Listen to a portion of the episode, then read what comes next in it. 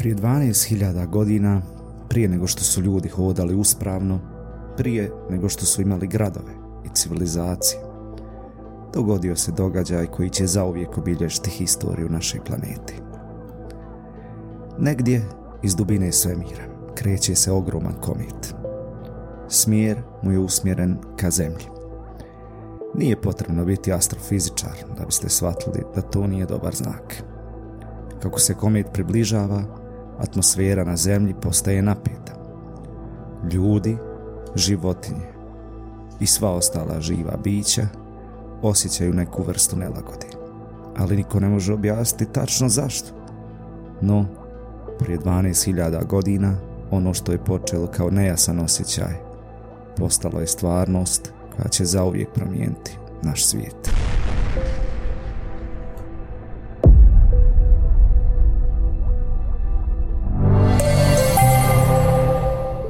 Dobrodošli nazad u Skrivene stvarnosti, u još jednu epizodu našeg podcasta. Danas ćemo istražiti intrigantno razdoblje poznato kao Younger Dryas. Vremenski period prije otprilike 12.000 godina, koji je značajno utjecao na naš planet. Kako je ovo razdoblje oblikovalo svijet koji poznajemo danas? Pa, ostanite sa nama dok istražujemo uzroke, posljedice i znanstvena otkrića vezana za Younger Dryas. Ako ste pomislili da su naši problemi s vremenom izazvali samo savremeni ljudi, koji zaborave zatvoriti prozore, koji pale sve i svašta, voze sve i svašta, sačekajte da čujete šta se dogodilo prije 12.000 godina. Vjerujte mi, ovo nije običan slučaj zaboravio sam jaknu. Prije nego što zaronimo dublje u Younger Dryas period, bacimo pogled na uzorke koji su mogli dovesti do ovog značajnog vremenskog razdoblja. Mnoge teorije kruže, no jedna od najintrigantnijih je ona o udaru komete, meteorita ili asteroida. Što se moglo dogoditi kada se nebesko tijelo sudarilo s našim planetom? Je li to izazvalo neku lančanu reakciju? koja je rezultirala Younger Dryas period. Druga teorija sugerira da su promjene u okeanskoj cirkulaciji mogle biti ključne. Da li su okeani imali svoju ulogu u pokretanju ovog hladnog razdoblja? Ili je možda atmosfera imala svoj dio u tome? Pa, saznaćemo nešto. Younger Dryas, nazvan po cvijetu Dryas, je hladno razdoblje koje je trajalo oko 1300 godina od otprilike 12.900 do 11.600 godina prije današnjeg vremena. To je veoma bitno da razumijemo. Zašto je ovaj period tako značajan? Pa zamislite da je vaš gradski park zavijen u sloj snijega usred ljeta. Ili obrnuto da je vaš bazen zaleđen. Ali to bi bio otprilike Younger Drive za naš planet. Nešto čudno se dešava sa klimom. Ovo razdoblje je označeno naglim padom temperatura nakon tople epohe poslije ledenog doba. To je bilo poput naglog pritiskanja za ledenu pauzu neke tipke na vašem klima uređaju, samo što nije bilo klima uređaja kojeg ste mogli isključiti. Klimatske promjene su bile dramatične, imale su značajan utjecaj na okoliš i ljude tog vremena. I dok je Younger Dryas možda prošao prije mnogo hiljada godina, njegovi tragovi i dalje ostaju vidljivi u geološkom i arheološkom zapisu, podsjećajući nas na moć prirode i njeznu sposobnost oblikovanja našeg svijeta. Kada govorimo o Younger Dryas periodu, ne možemo zanemariti utjecaj koji je imao na ljudske zajednice tog vremena. Kako su ljudi nosili s tim dramatičnim klimatskim promjenama, koji su obilježile ovo razdoblje? Pazite, kad kažem dramatične klimatske promjene, ja ne mislim na promjene od par stepeni ili nešto. Pričamo o promjenama koje mogu izazvati izumiranje ljudske rase. I vrlo vjerovatno to se i desilo. Ne možda u 100% procentu, ali veoma veliko. Arheološka istraživanja pružaju nam uvid u način života tih drevnih zajednica – Pronalasci alata, oruđa i ostatke hrane pomažu nam u rekonstrukciji njihovih strategija preživljavanja. Mnoge ljudske zajednice morale su se prilagoditi novim uvjetima ili migrirati. U većini slučajeva migrirati. Kako bi pronašli područja s povoljnim klimatskim uvjetima, kako bi mogli nešto posaditi. Ova migracija mogla je uticati na raspodjelu ljudi, razvoj kultura, interakciju između različitih skupina. Za primjer, nalazi arheoloških iskopina pokazuju da su neki narodi prilagodili svoje nomadske obrazce kretanja ili promijenili svoje poljoprivredne prakse kako bi se prilagodili novonastalim uvjetima. Kroz znanstvena istraživanja i napredak tehnologije danas imamo bolje razumijevanje Younger Dryas nego ikada ranije. Interdisciplinarni pristup koji uključuje paleoklimatologiju, arheologiju, geologiju i druge znanstvene discipline – omogućuje stvaranje detaljnih slika o klimatskim promjenama i njihovim posljedicama. Najnovija istraživanja pomažu nam u razumijevanju uzroka Younger Dryas perioda. Dokazi udaru asteroida ili meteorita kao mogućim uzroku ovog hladnog razdoblja postaju sve jasniji, ali i drugi faktori poput promjena u okeanskoj cirkulaciji igraju svoju ulogu. Analize ledenih jezgri iz Grenlanda i Antarktika omogućuju nam uvid u detalje klimatskih promjena i njihovih vremenskih tijekova. Klimatske promjene Younger Dryas perioda mogli su imati kulturne i mitološke posljedice.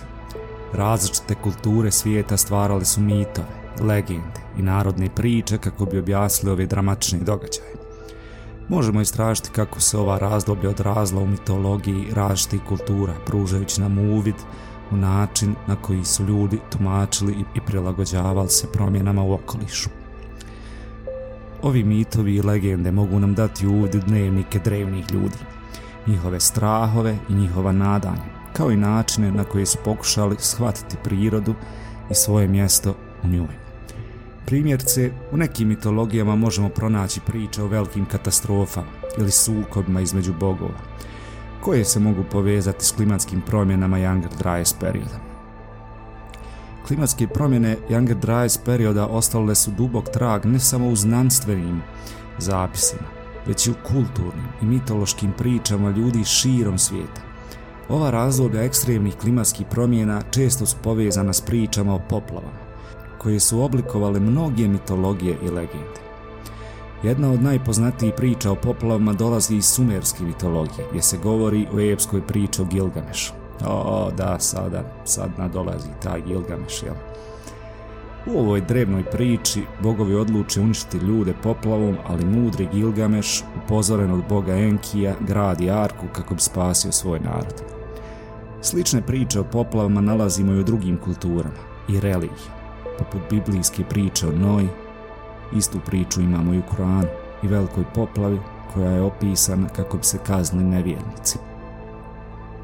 Iako detalji variraju, mnoge od ovih priča dijele slične motive, božansko upozorenje, izgradnje arki, spašavanje ljudi i životi, te obnova života nakon poplave. Ove mitološke priče pružaju nam uvid u način na koji su ljudi tumačili prirodne katastrofe i pokušali objasniti njihove uzroke. Iako su ove priče često poznate kao mitovi, one odražavaju duboke strahove, a i nadanje ljudi, te imaju vrlo važno mjesto u kulturi i samom identitetu. Kako Younger Dryas period druge značajne prirodne katastrofe oblikuju mitove i legende drevnih narada? Saznaćemo. Ova pitanja otvaraju prozor u dublje razumijevanje ljudske psihologije i kulture. Ono što želimo reći je da su skoro svi narodi, skoro sve kulture i religije imaju priču ili mit o poplavi, što je vrlo interesantno i može se povezati sa Younger Dryas period. Pa možda je zaista to ono što se desilo. Ove mitološke priče pružaju nam uvid u način na koji su ljudi tumačili prirodne katastrofe i pokušavali objasniti njihove uzorke. Mitovi i legende često služe kao način za tumačenje nepoznatog i neobjašnjivog. Priče o poplavama koje nalazimo u raštim kulturama širom svijeta mogu se promatrati kao pokušaj drevnih naroda da razumiju objasni prirodne katastrofe, poput one koje su obilježile Younger Dryas period. Iako mitovi nekad mogu sadržavati fantastične elemente poput božanskih intervencija ili čudesnih spastelja poput Noe ili Gilgameša, Mnogi istraživači vjeruju da ovi mitovi mogu imati temelje u stvarnim događajima. Arheološki nalazi, poput onih koji podržavaju priču o poplavi Crnog mora, podržavaju ideju da su neki mitovi možda inspirirani stvarnim prirodnim katastrofama. Iako mi možda nikad nećemo znati sa sigurnošću koliko su mitovi istiniti, oni i dalje imaju važno mjesto u ljudskoj kulturi. Oni nam pomažu da razumijemo kako su se ljudi nosili s ekstremnim okolnostima i kako su pokušali dati smisao svijetu oko sebe. Mi ćemo se u ovom trenutku malo okrenuti teoriji Grahama Hankeka koja je nama lično veoma zanimljiva. Definitivno ga možemo nazvati provokativnim istraživačem i novinarom, a njegova teorija ne prestaje izazivati rasprave u znanstvenim krugovima. On smatra da postoji potencijalna veza između drevnih civilizacija i zapanjujuće napredne tehnologije, koja je mogla biti izgubljena u zaboravu tokom historije. Prema Hancocku, ključ za razumijevanje ove zagonetne historije nalazi se u tragovima koje su drevni graditelji ostavili za sebe. Ogromnih magalitskih struktura poput onih u Egiptu, Južnoj Americi i drugo. On sugerira da su ovi građevinski podvici bili izvan dosega tehnologije koju smo poznavali u to vrijeme. S čim se ja, pa moglo bi se reći slažem. Ne moglo bi se reći slažem se. Ja dalje ne mogu da razumijem kako su napravljene te piramide. Pa, znate li vi? Pa ja mislim da niko sa sigurnošću ne zna te ogromne građevine i danas dan su najposjećenija turistička mjesta. Šta je moglo omogućiti tim drevnim civilizacijama da dosegnu takvu razinu tehnološkog napretka? Hancock vjeruje da je odgovor možda u kontaktu sa vanzemaljcima ili naprednim izgubljenim civilizacijama koje su postojale prije nas. Younger Dryas period ključan je element u Hancockovoj teoriji. On vjeruje da je kataklizmički događaj koji se dogodio tokom tog vremenskog razdoblja mogao biti uzrok uništenja drevnih civilizacija i gubitka njihove napredne tehnologije. U to vrijeme najnapredniju tehnologiju je posjedao Atlantis. Mi ćemo naravno gledati da obradimo jednu epizodu oko Atlantisa i izgubljenog grada, ali za sad da se držimo Younger Dryasa. Iako Hancockova teorija nije uvijek prihvaćena u znanstvenim krugovima, odnosno ne uvijek, skoro nije nikad prihvaćena u znanstvenim krugovima, ona potiče na dublje razmišljanje o povijesti i tehnološkim postignućima drevnih civilizacija. Bez obzira na to koliko je kontroverzna, Henkokova istraživanja potiču raspravu i zazivaju nas da preispitamo naša uvjerenja o prošlosti. A Younger Drives nije samo dio prošlosti, on ostavlja dubok trag u našoj sadašnjosti, a i u budućnosti. Razumijevanje ovog hladnog razdoblja ne samo da pomaže da bolje shvatimo klimatske promjene koje su oblikovale naš svijet, već također otvara vrata u prošlost i potiče nas na razmišljanje o misterijama naše historije.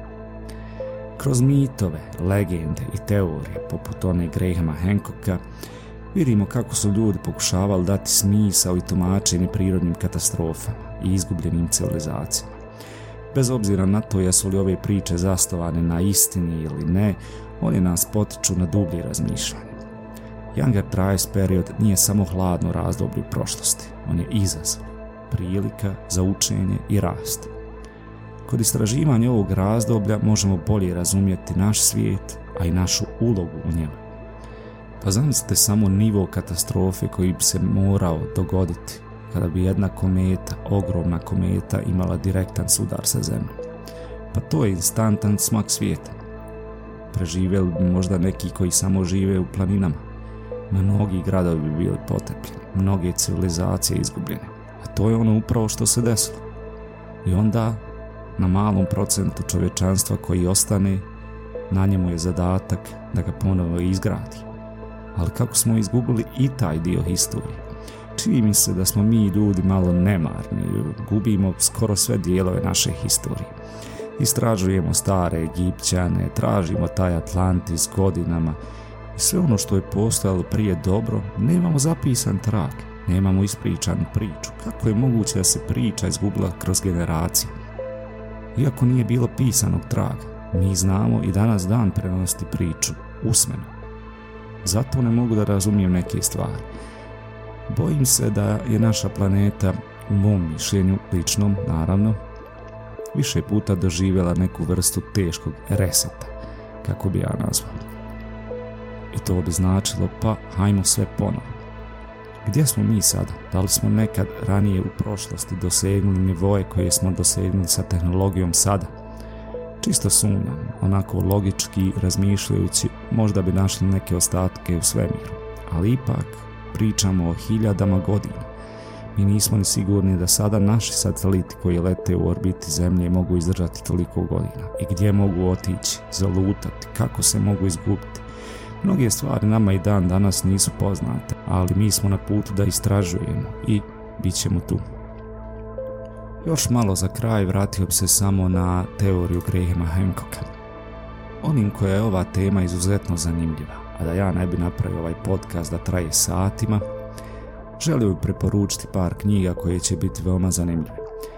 Teorija Grahama Hancocka popularizirana je u njegovim knjigama poput Fingerprints of the Gods i Magicians of the Gods. To iznosi intrigantne hipoteze o drevnim naprednim civilizacijama koje su postojale prije nego što su znanstvenici tradicionalno vjerovali da su ljudi bili sposobni za takav napredak. Ja mogu obratiti u budućnosti još nešto od ove teme.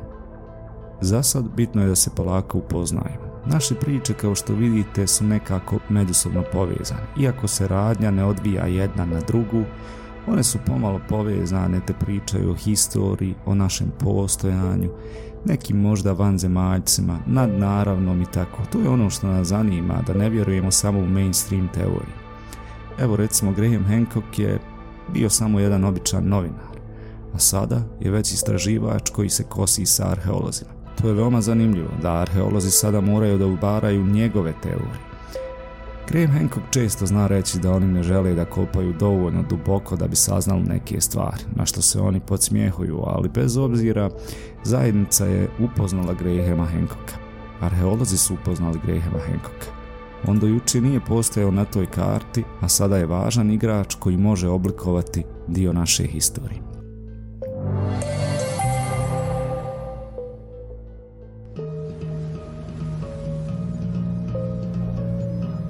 Hvala vam puno što ste danas bili sa nama. Ako je ovo vama bilo zanimljivo, učinite mi uslugu i lajkajte ovaj podcast, preplatite se, komentirajte, podijelite ili slično.